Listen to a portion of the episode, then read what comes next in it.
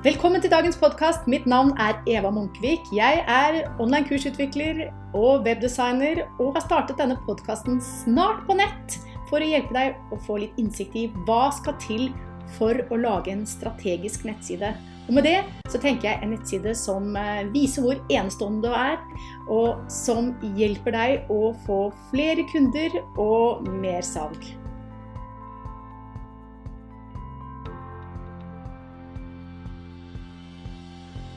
En av de følelsene jeg søker etter eller leter etter når jeg skal f.eks. investere i et kurs eller en eller annen form for tjeneste, det er å, å ha den følelsen av tillit.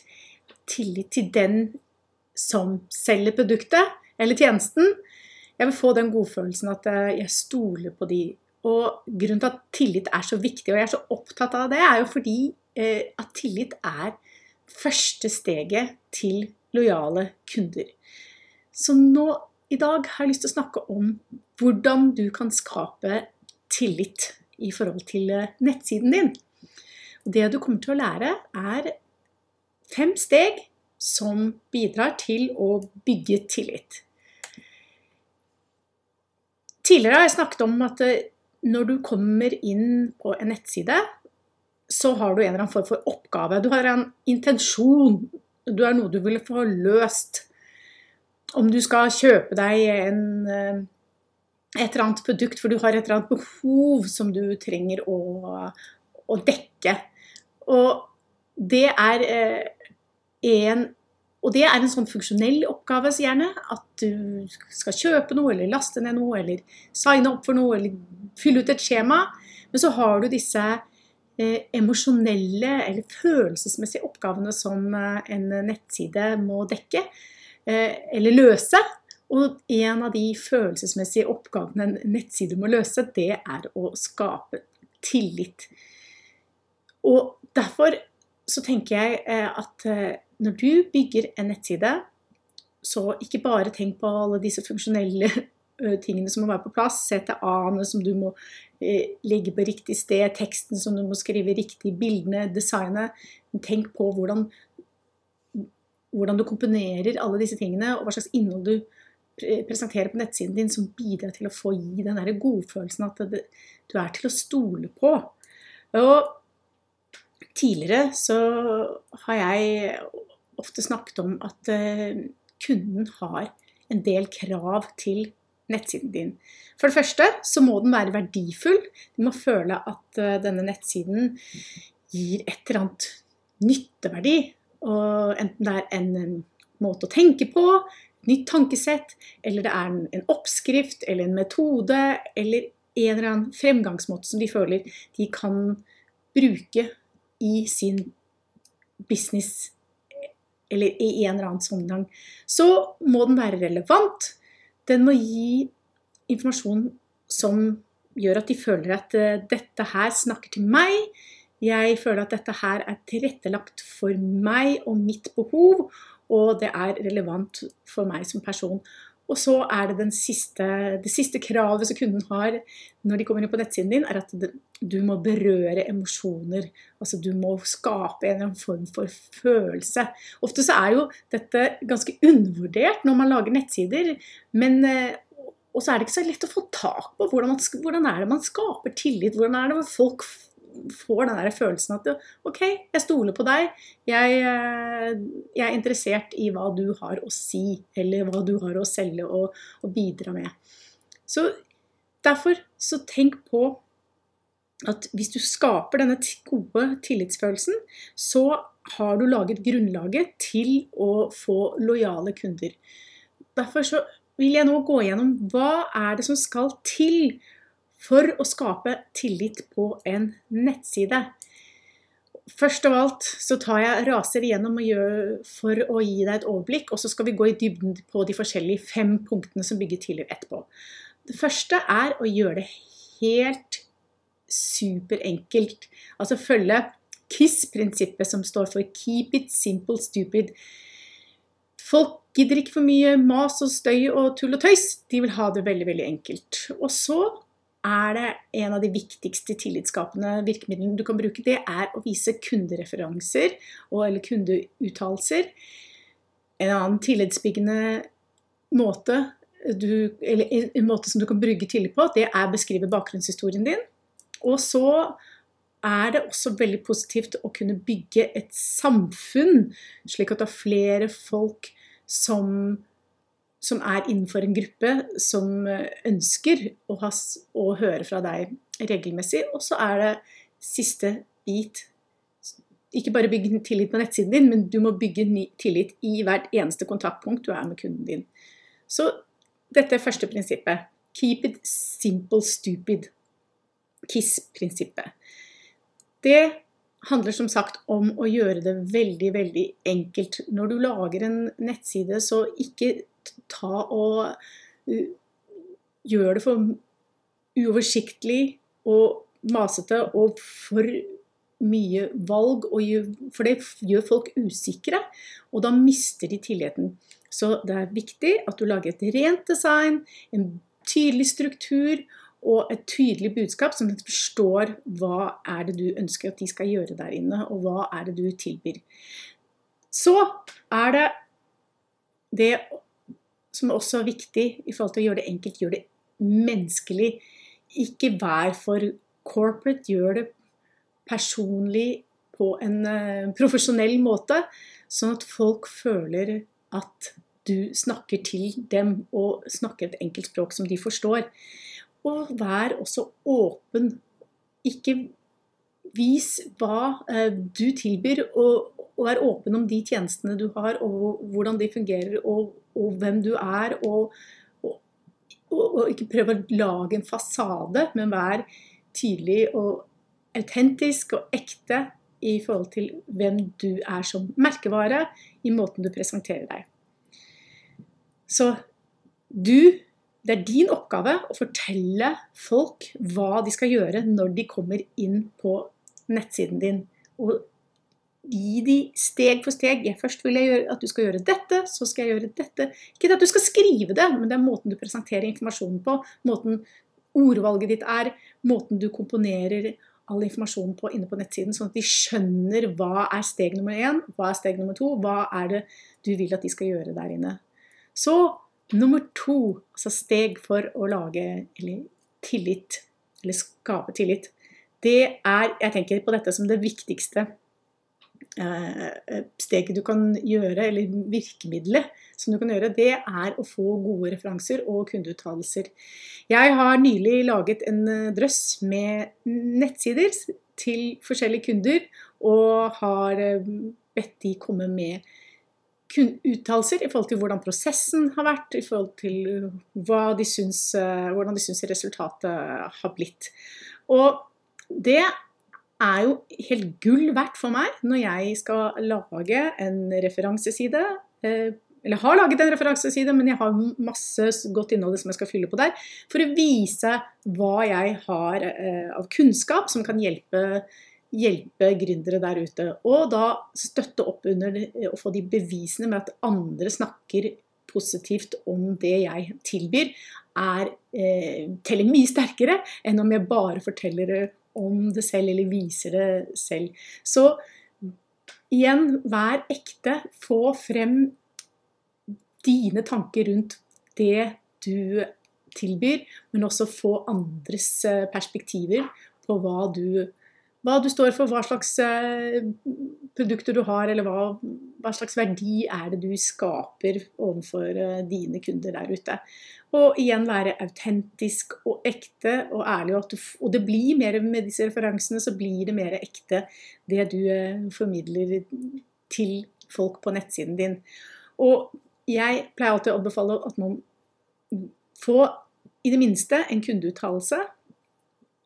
Det er supert om du kan få et bilde og navn i tillegg. Det er ikke alle som har et tema som er såpass eh, hvor det kanskje det er et eh, litt eh, Hva skal vi kalle det? Tema som, som man eh,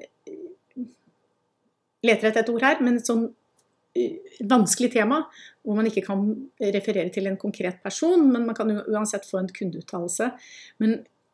og det aller beste er jo da om du kan få et bilde av den personen. Som har gitt den uttalelsen, for da blir det enda mer ekte og, og troverdig. Og det aller beste, det, det er sånn jeg drømmer om å få på min nettside etter hvert, at kan, det kan være en liten videosnutt som forteller om det produktet som Eller den tjenesten som jeg eh, tilbyr.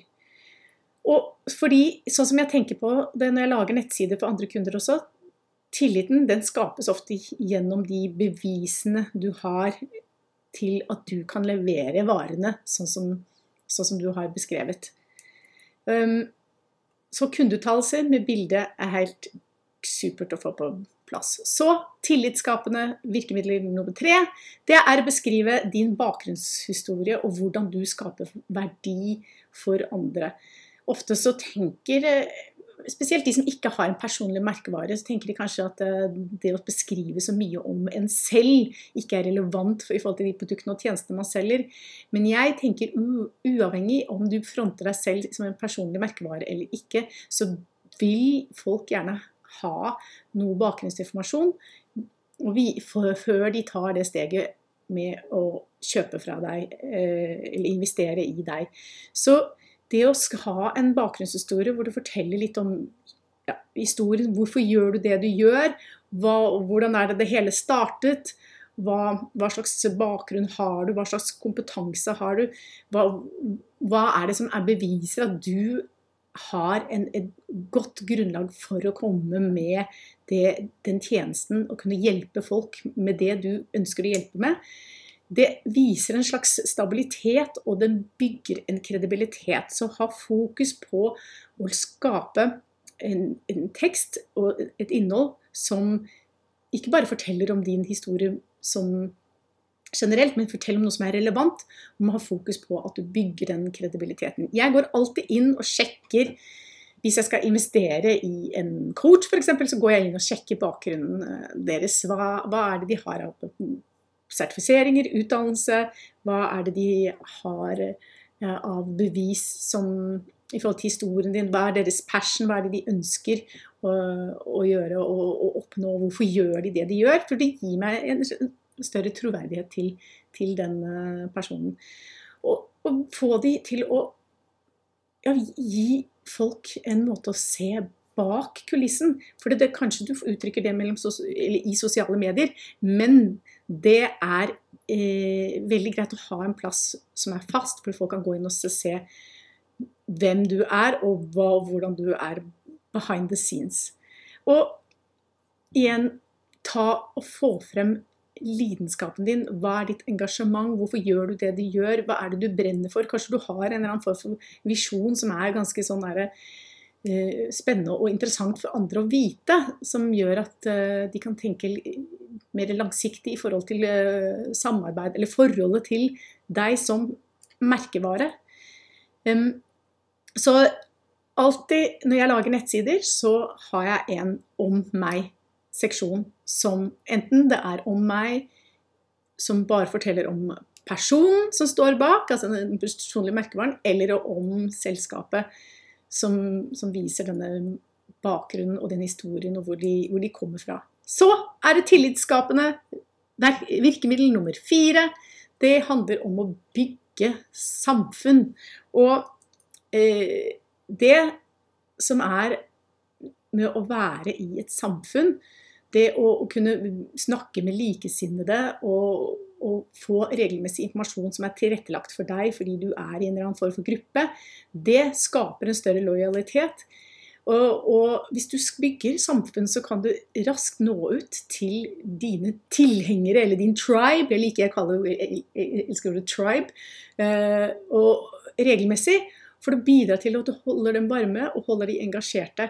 Jeg vet selv at jeg nettopp blitt med i, en, eh, i et samfunn selv for kvinnelige er det faktisk flere for kvinnelige gründere.